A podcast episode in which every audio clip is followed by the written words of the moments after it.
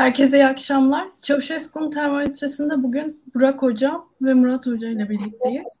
Murat Hocam, e, geçen günlerde Daklo'da e, menzil üzerinden bir yazısı paylaşıldı ve gerçekten çok okundu ve çok ses getirildi. Bugün de kendisi bizim konuğumuz. Hoş geldiniz hocam. Hoş bulduk, önce... çok teşekkür ederim. Sizinle başlayalım misafir olarak.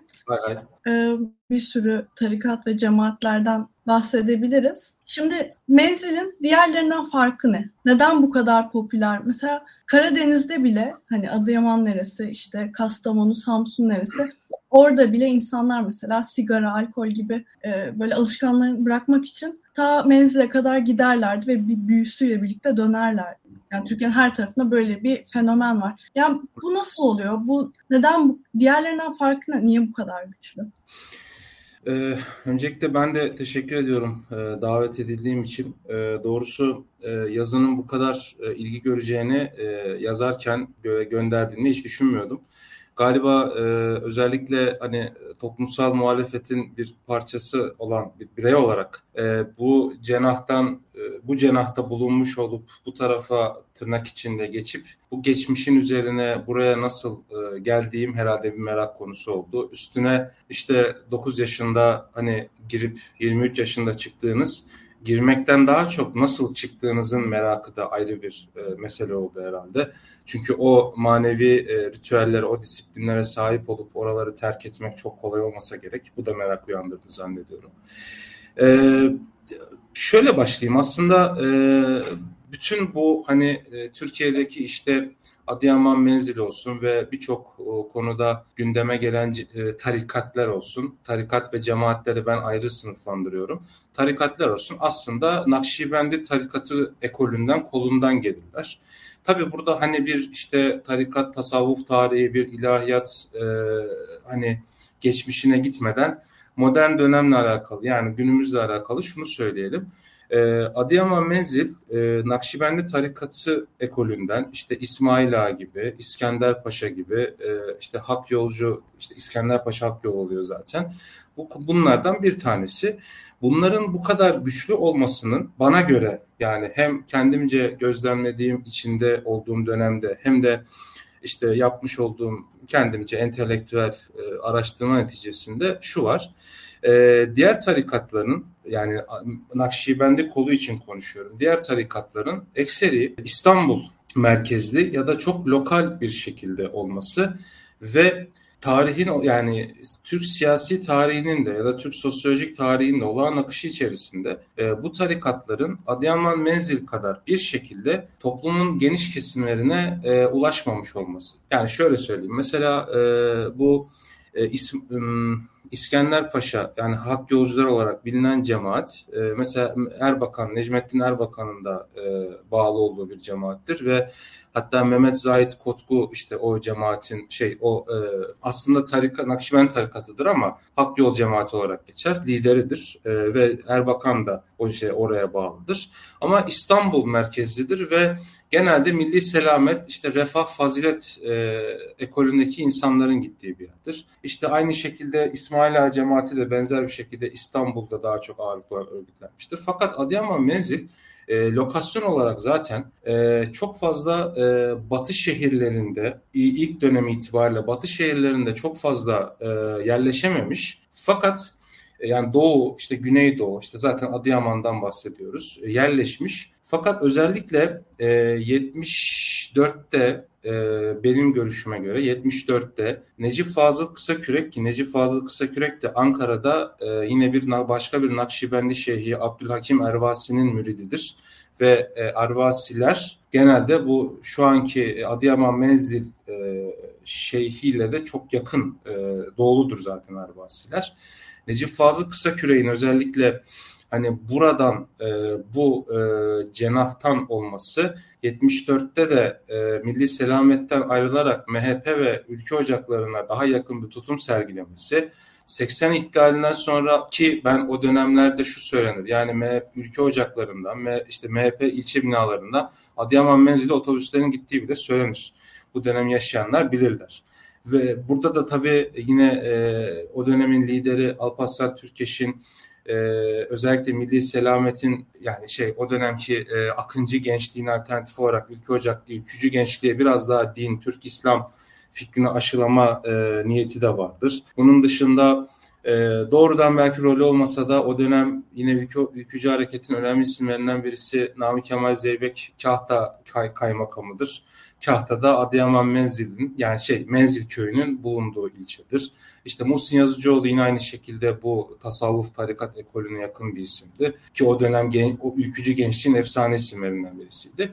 Oradan başlayan aslında bir işte milliyetçi ve ülkücü bir hareket var. 80 darbesinden sonra da bu e, dindarla daha dindarlaşmış ve e, sözü söylenen MHP'li ve ülkücülerin birçoğunun da Anavatan Partisi'ne e, Turgut Özal'ın da çağrısıyla gitmesiyle aslında yavaş yavaş bu ekipler bürokraside de yerleşmeye başladılar ve hani ticaret hayatında içine girmeye başladılar. Bugün yani hani e, işte bugün 2023'ün Türkiye'sindeki bu ticaret ve bürokrasideki Adıyaman menzil gücü aslında Özal döneminde başlar ki Özal bütün tarikatlara ve cemaatlere e, hani açık biridir ama sorduğunuz menzil cemaati şey menzil tarikatla alakalı sorduğunuz sorunun cevabı biraz buradan. Ve bu tarihi gelişim içerisinde şunu da ayrıca belirtmem lazım. Adıyaman Menzil tarikatının e, diğer tarikatlara göre e, başarılı olduğu bence alanlardan bir tanesi genel olarak Türk yani Türk tarikat tarihinde genelde tarikatlar e, otoriteyle, devletle eğer cemaatleşmediyse ve içinden hani protestan bir lider çıkarıp tarikatten cemaate dönüşmediyse genelde devletle ve otoriteyle anlaşırlar. Rejime karşı olsalar bile devletle araları iyidir. Yani bu Osmanlı'dan beri böyledir aslında. Hani e, Cumhuriyet'in ilk dönemi Şeyh Said isyanı mesela Şeyh Said bir Nakşibendi şeyhidir ama o isyan bile Nakşibendilik Cumhuriyete karşı gibi bir şeye dönüşmediği için bir sorun yaşanmamıştır. Dolayısıyla Türk ekolünde zaten tarikatlar genelde devletle bir şekilde anlaşır. Adıyaman Menzil'in buradaki bir diğer başarısı e, mesela diğer tarikatlarda e, kimi zaman tarikat şeyhinin sivri konuşmalarını görürsünüz. Kimi zaman tarikat adına e, vekil ya da işte sözcü olanların sivri konuşmalarını, medyatik tarzlarını görürsünüz. Adıyaman Menzil bu konuda e, çok dikkatli davranmıştır geçmişten bu yana. Böyle çok sivri bir tip göremezsiniz kolay kolay. E, bu da tabii ister istemez özellikle o 28 Şubat ve e, işte o dönemleri e, askeriye hariç e, kamuda ve bürokraside olabildiğince az az e, hasarla atlatmaları neden olmuş. Zaten e, Adalet ve Kalkınma Partisi ile birlikte de e, işte çok meşhur iki bakanımız var zaten e, ki Saygı Öztürk de kitabında bunlardan bahsediyor. Birisi Taner Bey, biri de e, Sayın Recep Akta. E, Sağlık ve Enerji Bakanlığı'nda, kısmen de Orman Bakanlığı'ndaki e, işte varlıklarıyla devam ettiler e, ve dolayısıyla bugün aslında kendilerinin bulunmuş oldukları konum e, tarihsel süreç ve e, bu süreçte dediğim gibi çok da fazla sivrilmeden e, olabildiğince e, rejimle içten içe kavgalı bile olsalar devletle de bir şekilde barışarak bugünlere kadar geldiler. Bunu söyleyebilirim. Murat Hocam bir şey de merak ediyorum. Şimdi e, işte devletle olan ilişkilere e, değindiniz. Bu da önemli bir durumdu. Mesela Erenköy için hep şu denilir işte eğitime hep çok önem verildiğine dair hep e, yazılır. Peki bu menzil içinde geçerli mi? Böyle bir destek sağlıyor mu? Eğitim konusunda özellikle. Şöyle e, kendi yaşadığım anekdottan başlayayım. E, ben işte girdiğim dönem e, tarikatın içinde olduğum dönem daha doğrusu benim ablam doktor. Mesela e, tabii o dönem işte e, hala daha menzil dedik. O cemaat de ikiye ayrıldı çünkü. Ben yazında da bahsetmiştim. E, ablamın doktor olma fikri mesela şeyhi heyecanlandırmıştı. Çünkü o tarikatın içerisinden bir kadın doktor demek aslında kadın müritlerin işte rahatlıkla e, tedavi olabildik, rahatlıkla kendilerine işte hani mahrem bir şekilde açıp yani açtıkları alan olacak ki hani belki bugün seküler bir bakış açısıyla ya hani tırnak içinde doktora ayıp olur mu diyoruz ama o insanların dünyasından böyle bir şey. Yani şunu söyleyeyim.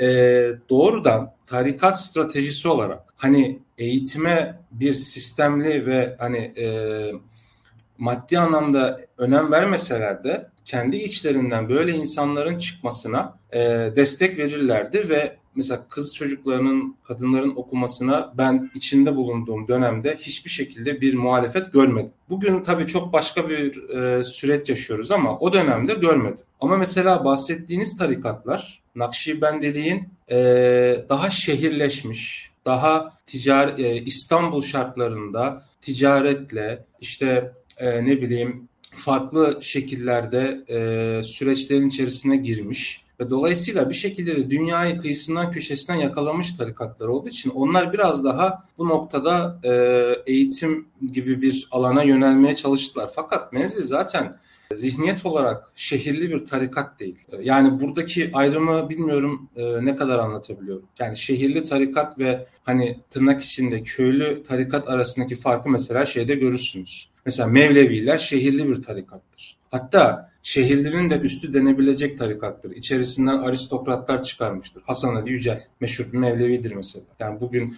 Türk e, edebiyatı, Türk tiyatrosu Hasan Ali Yücel'e borçludur. Ana dilinden e, Voltaire'i, Molière'i okuyup Fransızcası muhteşem bir insandır ve iyi bir Mevlevidir. Ya da işte bugün mesela İstanbul'da yine cerrahi e, tarikatı vardır, cerrahi tekkesi vardır. Mesela orada da medyatik olmuş isimleri görürsünüz. İşte önemli yazarları görürsünüz. Hani kastettiğim şehirli tarikat bu. Ama mesela Devam Menzil kafa olarak biraz daha hani varıp varabileceği en fazla nokta, hayatta en fazla gelebilecekleri nokta zaten içlerinden bir bakanın çıkmasıydı. Bir hastane açmaktı. Bir holding kurmak. Zaten ona da ulaştılar. Ama bu bahsettiğiniz tarikat biraz daha dediğim gibi İstanbul, ticaret daha erken buralara geldiği için ve onunla bir serüven yaşadığı için ki hani e, Cübbeli Ahmet'in mesela sohbetlerini dinleyin. Kendisi inkar etmez. Babası benim babam mesela fabrikası vardı diyor adam. Yani kendisi açıkça söylüyor yani. O cemaatlerin de öyle bir tarafı var. O yüzden de hani sorunuzun cevabını bunu söyleyebilirim. Burak Hocam, şimdi ben Murat Hoca'ya e, Menzil'in e, popülarite nasıl bu kadar popüler olduğunu sordum. Size de şunu merak ediyorum. Şimdi işte bir 90'lardaki medyaya baktığımızda işte çok e, paylaşılırdı işte tarikatlar şöyle cemaatler böyle. Ben mesela günümüzde bunun etkilerini merak ediyorum. Özellikle 15 Temmuz sonrası mesela sanki ya medyada görünürlüğü azaldı ya da güçleri azaldı. Siz nasıl gözlemliyorsunuz? Özellikle e, 15 Temmuz sonrası süreçte. Ya da, ya da medya azaldı yani. Hani üçüncü bir ihtimal daha var. Ee, şimdi şöyle o 90'larla günümüz farkı tabii biraz sistemin yapısıyla da alakalı bir şey. 90'lı yıllarda sistemin sahibi Milli Güvenlik Kurulu ve Milli Güvenlik Kurulu meşruluğunu oydan siyaset yaparak alan bir kurum değil. Yani kerameti kendinden menkul öyle diyelim. Ya biz MGK'nın çizdiği güvenlik çerçevesini oya sunmuyoruz, sunamıyoruz. Mümkün değil o. Ee, dolayısıyla bir siyasi parti gibi düşünmemek lazım MGK'yı. O biraz e, daha devleti kendi e, cisminde temsil eden bir kurum. Yani siyaset üstü, hatta siyaseti denetleyen, siyasetin sınırlarını güvenlik adına çizen bir kurum. O yüzden meşruluğunu da 1961 Anayasasına bağladığı için Cumhuriyet'in temel ilkelerini yorumlama kapasitesine göre cemaatler, tarikatlar da tabii orada anlam değiştiriyor, anlam kazanıyor, anlamları değişiyor. Yani 90'larda yükselen bir siyasal İslam olduğu için cemaat tarikat meselesini biz çok konuşuyorduk. Aslında cemaat ve tarikatların siyasal İslam'la ilişkisi de öyle zannedildiği gibi çok kalpten bir ilişki değil. Onu da söylemek lazım. Yani çünkü e, Murat söyledi. Yani e, aslında Hasan el-Benna e, 1928'de Müslüman kardeşleri kurarken siyasi bir fikri olmayan sadece dini pratiklere odaklanmış Müslümanlardan tiksiniyordu. Yani İslam'ın altıncı şartı olarak da siyasete girmeyi önerdi. Yoksa bir Müslümanın kendisine oruç tutma izni verildiği takdirde, ezan okunduğu takdirde, dini hayatına müdahale edilmediği takdirde bir sömürgeciyle ya da bir seküler devrimci hükümette hiçbir problemi olamazdı zaten. Yani o yüzden bir Müslümanın vazifesi bizzat siyasetle ilgilenmekti. Siyasetle ilgilenen bir Müslümanın gideceği yer Müslüman kardeşlerdi. Müslüman kardeşler bütün Müslümanlar adına ki Müslümanlar derken siyasetle ilgilenen Müslüman kardeşlerin çerçevesini çizdiği siyasi programı takip eden insanlardan bahsediyoruz. Yani kelime-i şehadet getirip Müslüman olan fakat başka siyasi ideolojilere inanmış insanlardan bahsetmiyoruz. Ee, dolayısıyla o çerçeveyi benimsemeleri bekleniyordu. Müslüman olmak ancak e, bununla mümkündü. E, işte ya patates dinindensiniz ya Refah Partilisiniz söylemi aslında çok eski bir söylem. Yani çünkü e, eğer İslam'ın şartı siyasetle ilgilenmeyi gerektiriyorsa, orada siyasal İslamcı bir parti varsa, onun gündemini takip etmek bir Müslümanın boynunun borcudur, vebalidir. Dolayısıyla o siyasal İslami partiler aslında uyumlu, e, uysal, dini sınıftan çok da haz etmezler.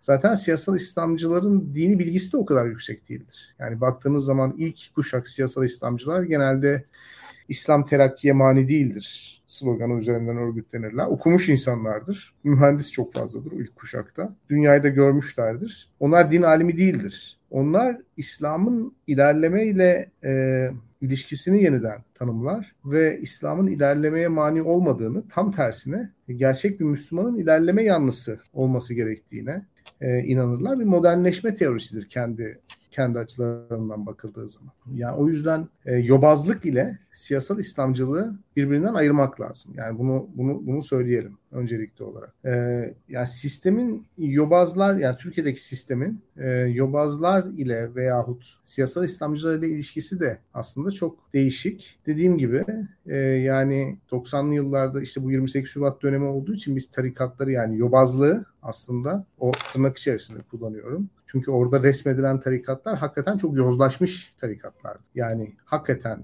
yozlaşmış tarikatlardı.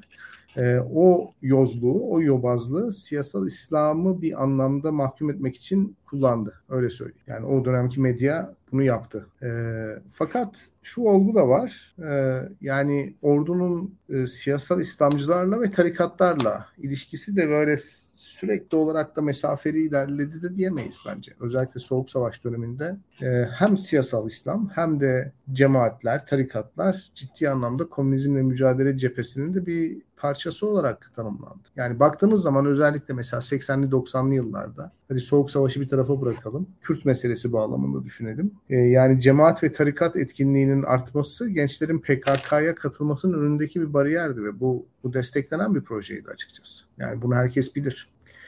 O yüzden yani şu anda farklı bir düzlemde yaşıyoruz. Çünkü bir milli güvenlik kurulu yok yani. Şu anda bir siyasi parti var ve siyasi parti milli güvenlik çerçevesini çiziyor. Yani şu anda devlet dediğimiz bir kurum yok. Tayyip Bey var ve e, onun aldığı kararlar var. Dolayısıyla onun siyasi ihtiyaçlarına göre biz tarikatları, cemaatleri konuşuruz veya konuşmayız. 2013 senesinde, 2012 ve 13 senelerinde mesela biz şöyle bir haber okumuştuk. Cemaatlerin siyasi kararlara etkisi üzerine Tayyip Erdoğan bir anket yaptırdı. Şimdi bu anketi niçin yaptırdı? 7 Şubat krizinden sonra yaptırdı. Çünkü genel itibariyle Fethullah Gülen etrafında yaratılan bir mit vardı. Yani sanki hiç kimse ondan habersiz adım atamaz. Fethullah Gülen'le çatışmak çok büyük kayıplara sebep olur gibi bir inanış vardı. Ee, aslında yapılan araştırmanın sonucu bunun böyle olmadığını gösteriyor.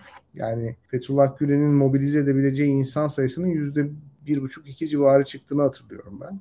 Bu genel olarak diğer tarikatlar için de böyle. Dolayısıyla e, bu tarikatların aslında siyasal bir vizyon geliştirememeleri onları bir anlamda da çok siyaset tarafından çok savunmasız bırakıyor. Yani siyaset istediği anda ister orada olsun ister herhangi bir siyasi parti olsun siyasi gündem adına tarikatları bir şekilde e, ezebiliyor. E, yalnız şöyle bir durum var. E, demokrasi olduğu için yani demokratik bir sistem olduğu için ve e, bir anlamda partiler oy almak zorunda oldukları için tarikatların ve cemaatlerin de önemli güçleri var. Her şeyden önce burada bir güç birikimi var, bir sermaye birikimi var. Dolayısıyla güç ve sermaye birikimi özellikle küçük şehirlerde çok önemli bir şeydir. Ee, bir kararla mesela belli bir cemaatin üyesini veyahut belli bir tarikatın üyesini milletvekili adayı yaptığınız zaman o cemaat, cemaat üyeleri, cemaatin işletmelerinde çalışan işçiler, fabrikaları varsa fabrikalarında çalışanlar, lokantaları varsa lokantalarında çalışan garsonlar her neyse bunların topyekun oy vermesi anlamına geliyor. E, bu da tabii e, bu tip dini yapılanmaları siyasette biraz pazarlık gücüne sahip bir şekilde masaya oturtma yani yetiyor. Yani onu söylemek lazım. Pazarlık yapıyorlar. e, kamu kaynaklarını da bu sefer cemaat daha fazla ya da tarikat daha fazla taraftar bulmak için e, kullanıyor.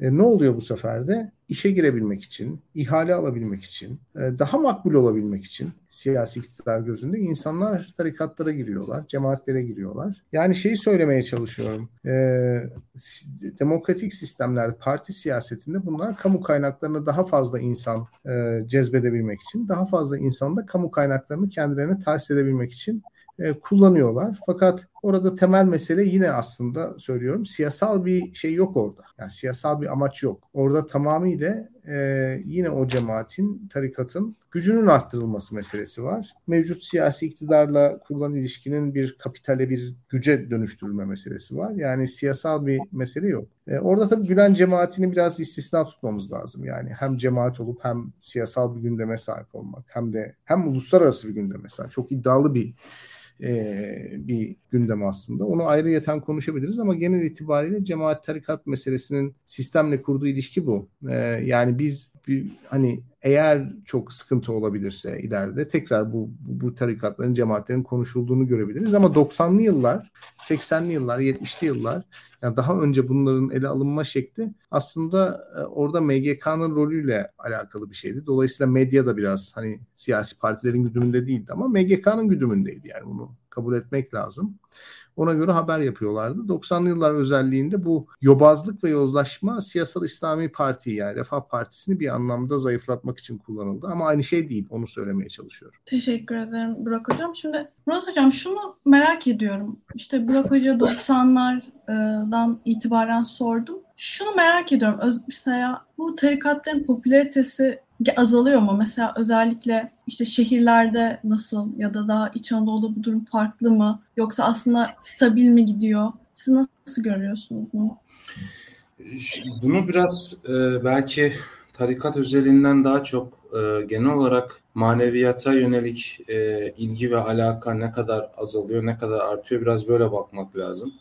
E, çünkü şöyle de bir şey var artık. E, yani bilgiye ulaşmanız ve bilgiye ulaşmanız çok kolay ve e, bilgiye ulaşmanız kolay olduğu için de bir şeye bilmeden inanmak istememe gibi e, bir lüksünüz de oluşmaya başladı. Yani şunu demek istiyorum. E, hani artık manevi yani maneviyat dediğimiz alan ya da işte din, tarikat ne derseniz deyin. E, bilginin bu kadar yayılmadığı, üzerine e, bir şeylerin bu kadar tartışılması ve tartışılmanın da bu kadar yayıl, yayılmadığı bir dönemde aslında inanmak ve hani e, daha manevi, daha spiritüel bir yerden dünyaya bakıp rasyonel aklı devre dışı bırakmak sanki biraz daha kolaydı. Artık bu daha zor bence. O yüzden benim kendi gözlemim sadece tarikat üzerinde değil aslında e, genel olarak din üzerinden hayatı anlamlandırma, din üzerinden bir yaşam tarzı oluşturma ki her ne kadar e, sosyal medyada işte e, bazı açıklamalar işte birçok görüntü anlık çekilen görüntüler vesaire görsek de ben bunu genel olarak hatta daha iddialı bir şey söyleyeyim. O bahsettiğiniz e, dindar ya da işte böyle radikal dediğimiz insanların bile o radikalliğinin arkasında inandığına olan inancının azaldığını, azalması ve ondan eyvah e, gibi bir panikle ondan kurtulmak istememesine bağlıyorum. Yani şöyle mesela siz bugüne kadar işte e, devlet yönet, yönetene kadar, devlet imkanlarına sahip olana kadar, e, faizin işte e, haram olduğuna, Kur'an-ı Kerim'deki işte ribanın banka faizi olduğuna inandınız. Bir devletin, e, Müslüman bir devletin içki sata, satamayacağını ve bundan vergi alamayacağını inandınız. Fakat gün geldi ve bununla kendinizi muhalefette motive ettiniz.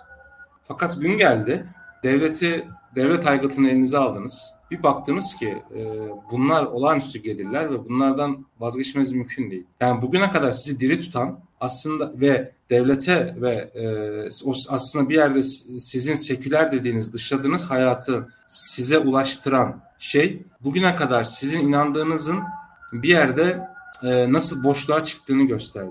O yüzden bugünkü radikalleşme çabalarını ben biraz buradan yoruyorum. Çünkü radikalleşen insanlar baktığınızda aslında seküler hayattan, sosyal hayattan kopmuş değiller. Tam tersi dibine kadar yaşıyorlar. Yani e, mesela sohbetlerini e, YouTube'dan yayınlıyorlar değil mi?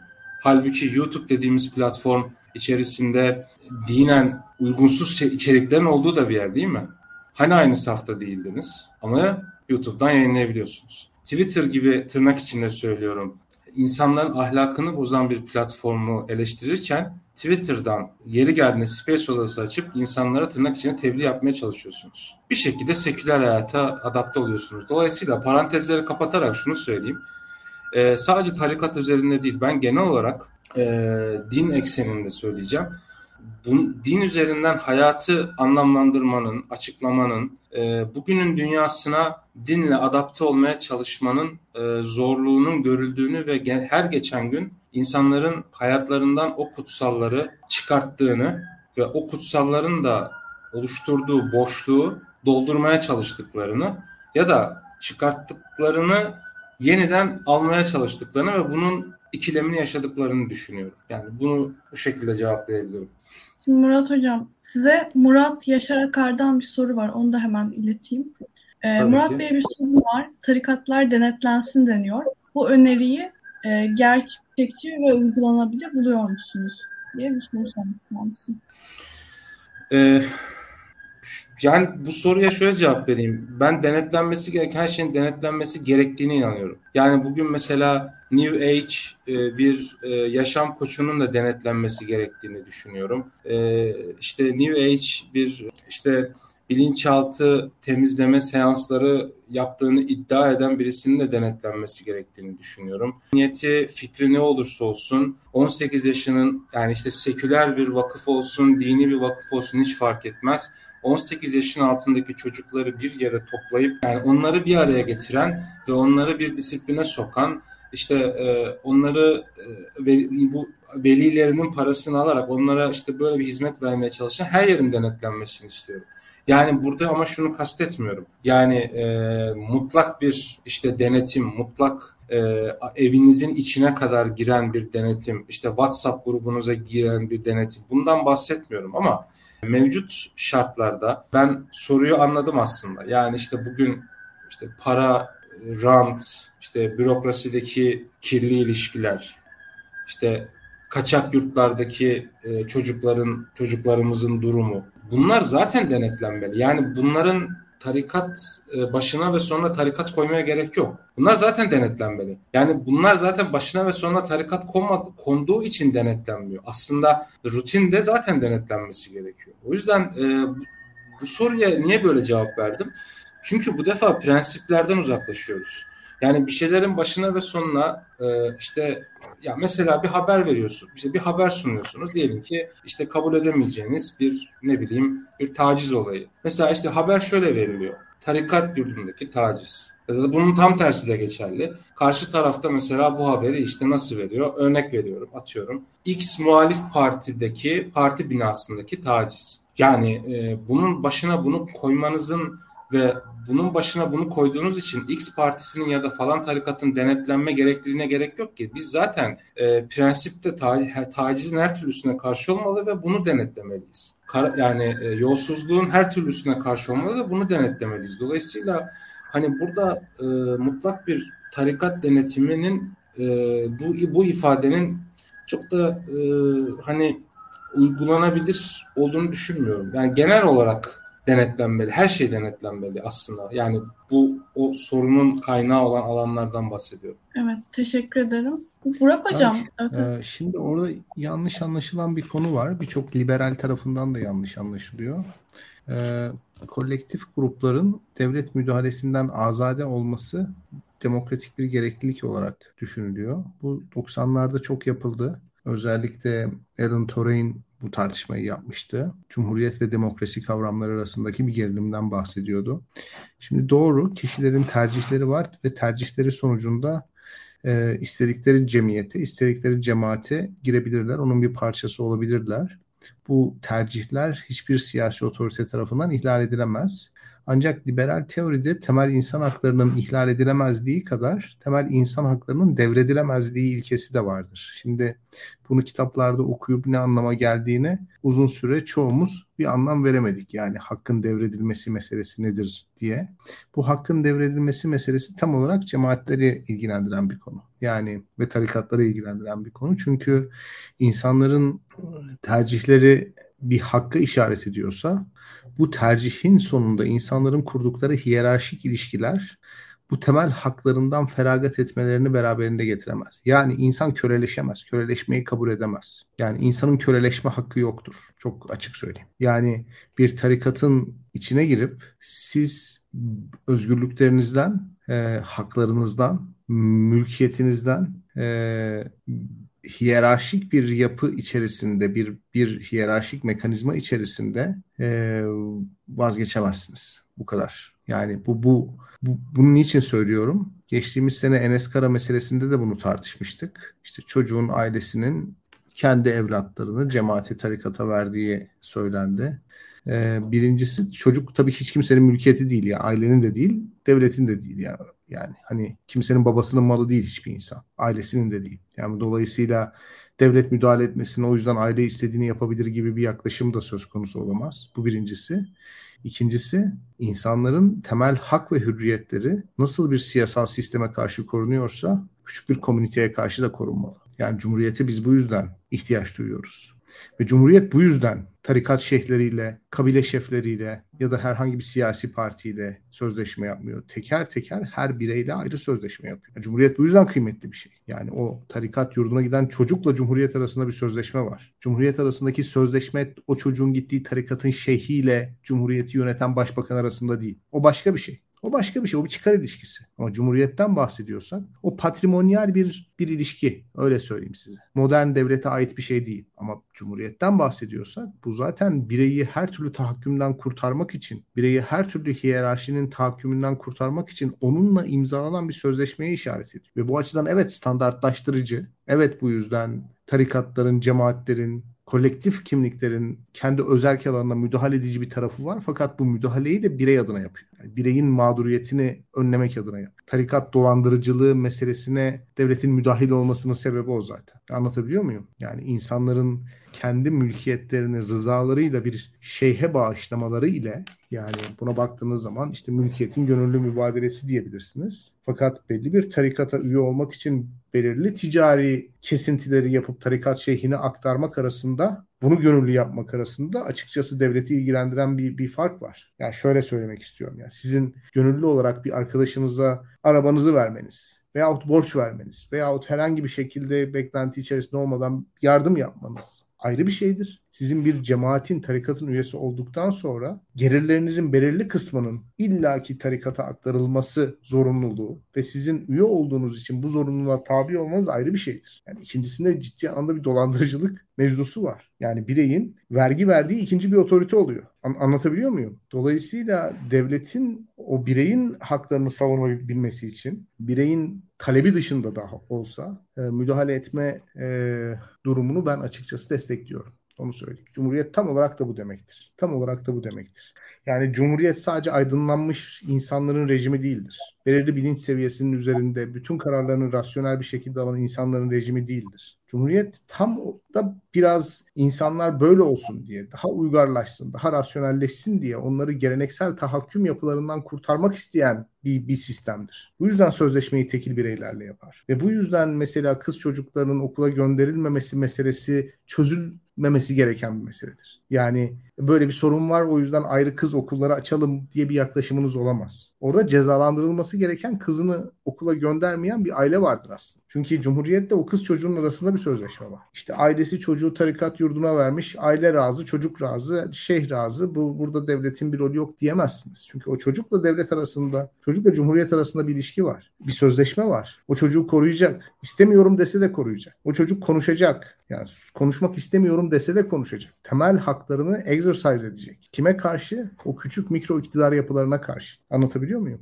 Ve denetlenme dediğimiz mesele o yüzden kimseyi rahatsız etmiyor. Bakın bugün Fethullah Gülen Türkiye'nin en büyük yurt işletmecisi. Baktığınız zaman objektif bir bakış açısıyla bir tarikat lideri ya da bir cemaat liderinden değil. Türkiye'nin en büyük yurt işletmecisinden bahsedebiliriz. Yani evlerin maliyetinin esnaf tarafından karşılandığı, işte evlerde kalan insanların normalin çok çok altında kira ödediği fakat bu paranın denetlenmediği bir yapı vardı orada. Çok büyük bir para. Şimdi birdenbire dini bir hayır işi yapıyoruz diye bu ticari transaction ortadan kalkmıyor. Ticari e, geçişkenlik ortadan kalkmıyor. Tam tersine orada. Vergi ödemiyorsunuz.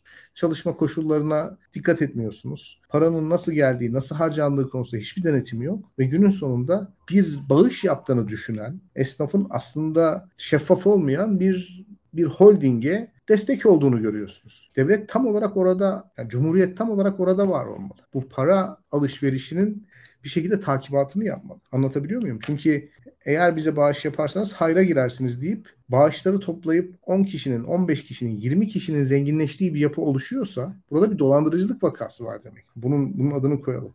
Onun dışında insanların spiritüel ihtiyaçlarının hepimiz farkındayız tasavvuf denen meselenin sadece İslam'a özgü olmadığı, insanların bir hakikati, bir duyguyu, bir bir varlığı sadece akıllarıyla ya da beş duyularıyla algılayamayacakları, onu sezgisel olarak kavrayabilecekleri argümanına ben de katılıyorum. Böyle bir katılıyorum derken bu insanların varlığına ben de katılıyorum. Bu insan aklı algılayamadığı zaman sezmek ister ve sezgisel bir topluluğa üye olup onun ritüelleri içerisinde bir varlığa yakınlaştığını hisseder. Bu kötü bir şey de değildir. Yani hepimiz hayatımızda bütün kararlarımızı, bütün adımlarımızı rasyonel bir bilinçle, rasyonel bir e, tavırla atmıyoruz. Bu böyledir. İnsan mükemmel bir varlık değil, kusurlu bir varlık ve bir şekilde kendisini rahatlatmak istiyor. Üstelik öleceğimizi biliyoruz. Bir gün yok olacağımızı biliyoruz ve bununla yaşamak zorundayız. Bunu dindirmemiz lazım. Yani kimisi çok çalışıyor, kimisi çok eğleniyor, kimisi çok düşünüyor, kimisi egosunu olabildiğince beslemek istiyor. Kimisi çok aciz olduğunu hissetmek istiyor. Ama yani bir, bir o gerçeklikle beraber yaşamak zorundayız. Ve bunu da bunun da yollarını bulmuş insanlık tarihinde e, yaşayanlar. İşte bu cemaatler, e, ta, tasavvuf cemaatleri yani sezgisellik üzerinden ilerleyen cemaatler de bunun bir yansıması. Bunu yok edemeyiz. Bu hep olacak. Yani Müslüman olmasa da insanlar bunu yapacak. Astrolojiye merak salacaklar, yogaya merak salacaklar, meditasyona merak salacaklar. Böyledir bu işler. Bunları yok edemeyiz zaten. Yok etmemiz ya da denetlememiz gereken şey bu değil. Yani insanların bu eğilimlerini denetleyemeyiz. İnsanları baştan aşağı rasyonel, baştan aşağı pozitivist kişilere çeviremeyiz. Ama insanların bu yapılarla olan ilişkisi tabii ki Cumhuriyet'in konusudur. Onu söylemem gerekiyor. İşte bu kentli köylü tarikat ayrımı bu yüzden önemli. Mesela kırsala gittikçe daha hiyer, hiyerarşikleşen, daha sorgulanamaz biat edilen, sorgulanamaz şekilde biat edilen, dolayısıyla kendi üyelerini artık vatandaş olmaktan, insan olmaktan arındırmış, olabildiğince robotlaştıran, kula çeviren, orada bir tahakküm kurmuş ve onları temel haklarını exercise etmekten utanır hale getiren bir yapılanmadan bahsediyor. Şehirde bu olmuyor. Çünkü şehirde çok fazla kaçış yeri var. Ama küçük komünitelerde bu çok daha yaygın. E şimdi baktığınız zaman işte cerrahi tarikatıyla kimsenin aslında bir problemi yok. Çok güzel bir dost meclisi. Çünkü gidenlere bu rufailerle kimsenin bir problemi yok mesela. Yok. Anlatabiliyor muyum? Ama problem nereden ortaya çıkıyor? Hiyerarşikleşmiş, siyasette pazarlık yapan, üyelerinin işte şeyhe e, canlarını verircesine bağlı olduğu, artık insan olmanın temel özelliklerinden vazgeçmiş yani tamamıyla başka bir insana kulluk etmekten keyif alan. İşte Murat'ın yazısında olduğu gibi göz göze gelince mutlu olduğu. Böyle bir yapılanma içerisinde biz vatandaştan artık bahsedemeyiz. Ama o vatandaşın haklarını koruması için bir cumhuriyet kurduk değil mi? Yani o vatandaş bunu istemese de o cumhuriyet soyut bir sözleşme üzerinden yükseldi. O vatandaşın da cumhuriyet. Onu da korumak zorunda. İstemese de korumak zorunda. O olaya müdahil olmak zorunda. O yüzden yani Yıldıray Oğur yüzeyselliğinde bu meseleyi tartışmamak lazım. Burada başka bir mesele var. Evet. E, şimdi Murat Hocam, peki şimdi Abdülbaki Erol vefat etti. Bunu e, bundan sonrası için menzil nasıl görüyorsun? Yani bölünme gibi bir durum e, olur mu yoksa bu şekilde devam eder mi? Yoksa eski popülaritesini kaybeder mi? Siz nasıl görüyorsunuz? Şimdi e, program başında başlarında şey demiştim. E, tarikat ve cemaat kavramlarını kendimce ayırt ediyorum diye. E, mesela e, bana göre e, mesela işte bugün cemaat olarak adlandırdığımız işte oluşumlar neler? Mesela işte, işte FETÖ cemaati deniyor değil mi? İşte Said Nursi cemaati deniyor. İşte Süleymancılar deniyor. Mesela bunlara tarikat denmiyor. E, bence cemaatle tarikat arasındaki fark cemaat ki bu cemaatler hani işte Süleymancılıktır, işte ışıkçılardır bu gün işte bu Tegere, Enver Ören'in işte hmm. geldiği yer. Bunlar aslında bir şekilde bir tarikat ekolünden gelip sonradan bir lider eşliğinde protestan bir şekilde o tarikat ekolünden çıkarak o liderle birlikte bambaşka alana e, evrilen gruplar ve genelde de e, hani bu cemaatlerin mesela devletle ve ya da rejimle kavgaları ve işbirlikleri diğerlerine göre biraz daha göz önünde oluyor. Kavgası daha alevli oluyor, işbirliği de daha e, belirgin ve e, hani daha belki yeri gelip çirkin oluyor. E, buradan şuraya geleceğim.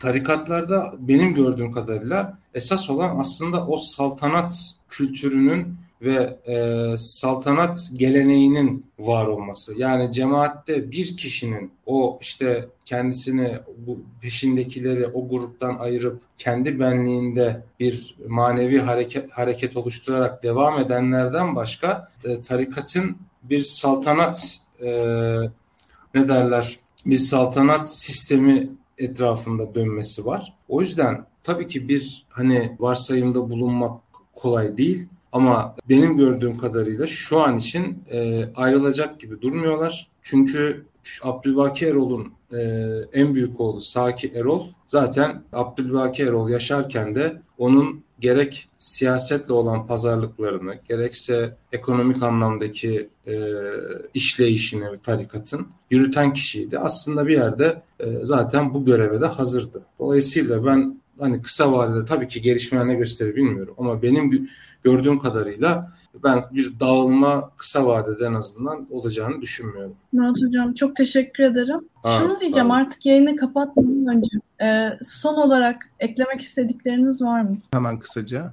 Ee, Selim Kaya sormuş bireyi devletten kim kurtaracak diye. Bireyi devletten e, sivil toplum ve piyasa kurtaracak tabii ki. Fakat sivil toplum dediğimiz zaman tarikatları, cemaatleri anlamamalıyız. Sivil toplum kararların hiyerarşik olarak dikte edilmediği e, bütün üyelerinin karar alma süreçlerine katıldığı ve kendi çıkarlarını, e, kendi menfaatlerini bir arada kalarak savundukları yapılardır. Yani baktığınız zaman sivil toplum belli ihtiyaçları e, alır, belli ihtiyaçlara sahip olan insanları bünyesine alır, onları kolektif gruplar haline getirir. Bu insanlar ortak karar alırlar. Hiyerarşik bir düzlemde belirli bir kliğin ya da belirli bir liderin dudaklarından çıkan kelimelere büyülenmiş gibi bakmazlar ve bunları siyasal aktörlerle buluşturmaya çalışırlar ve etkili olurlar. Savaş karşıtı bir dernek olabilir bu, feminist bir hareket olabilir bu ya da işte ideolojik bir grup olabilir. Fakat bunlar eğer e,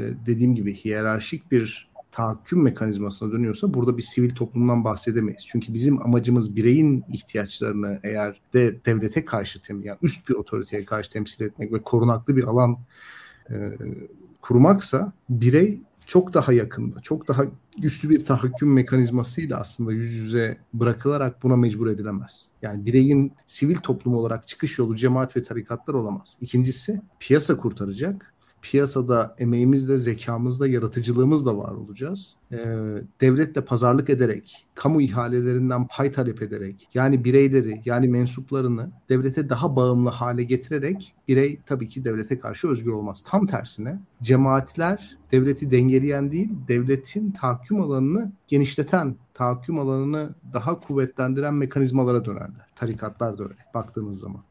Dolayısıyla tarikatların ticarileşmesi, holdingleşmesi, işte bürokrasiyle çok ilgilenmesi, belirli memur kontenjanlarının olması, kamu ihalelerinde belirli paylara sahip olması piyasa ekonomisini geliştiren değil, daha iyinin, daha akıllının, daha çalışkanın, daha yaratıcının mükafatlandırıldığı değil, belirli bir şeyhe daha sadık olanın veyahut sadık olan müridin ya da belirli bir siyasetçiye daha sadık olan şeyhin ödüllendirildiği bir sistemi beraberinde getiriyor. Dolayısıyla birey özgürlüğü dediğimiz hadise buradan çıkmıyor arkadaşlar. Yani e, Cumhuriyet'in standartlaştırıcı uygulamalarının bireysel tercihleri olan olumsuz etkilerini tartışabiliriz. Bunu demokratik olarak bazı süreçler vasıtasıyla düzeltebiliriz. Sivil toplumda, piyasada buna yardımcı olur. Fakat e, Cumhuriyet e, Cumhuriyet'in birey üzerinde kurduğu baskıyı tarikatlar ve cemaatlerle e, azaltamayız. Bu kadar. Teşekkürler Burak Hocam. Murat Hocam son olarak sizden eklemek istediklerinizi alabilir miyim yayını kapatmadan önce? Şöyle söyleyeyim. E, ben tabii bir yazıya 14 seneyi sığdıramazdım. E, ya da 14 senenin sonundaki o kendi içimde verdiğim hesaplaşma ve neticesinde e, Cat Stevens'ın Father and Son şarkısının sözleriyle bitirdim. Orada da çok anlamlı geliyor bana o sözler. Şunu söyleyebilirim. Benim gibi yani bu kavgayı vermiş olan çevrenizde, yanı başınızda, sağınızda, solunuzda hiç ummadığınız derecede fazla insan var. Hala daha içlerinde bu savaşı veriyorlar. Çünkü bir kutsalı hayatınızdan dışarıdan bakıldığında bu kutsal çok saçma gelebilir ama bu kutsalları hayatından çıkartmaya çalışan, kutsala karşı savaşan çok insan var. Bunları sosyal çevrelerinden, ailelerinden, ellerindeki avantajlardan vazgeçme, onları bırakma pahasına bu savaşı verenler var.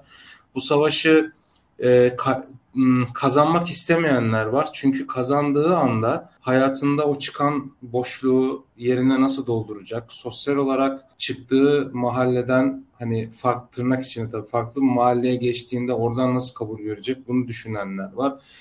Ee, bu savaşı kaybedenler var. Dolayısıyla şunu söyleyebilirim. E, zordur. Kutsala size öğretilene e, karşı e, sizin bunu sorgulamanız ve kendi doğrularınızı e, yerine koymanız çok zordur. Ama e, aklımıza ve vicdanımıza sahip çıkmamız gerekiyor ve bu savaşın içerisinde olan insanlar olduğunu da bilip onların bu kutsala neden ve hangi sebeplerle inandığından daha çok şu anda vermiş oldukları o mücadeleye destek olmak gerek. Ben de bunu bunu söyleyeyim. Çok teşekkür ederim. Ee, Çavuşesku'nun Tarım Metrosu'nda Mustafa Murat Orhan ve Burak Bilgehan Özbek'le birlikte e, yayındaydık. Yayınlarımızı beğenip ve paylaşmayı unutmayın. Herkese iyi akşamlar. İyi akşamlar. İyi akşamlar.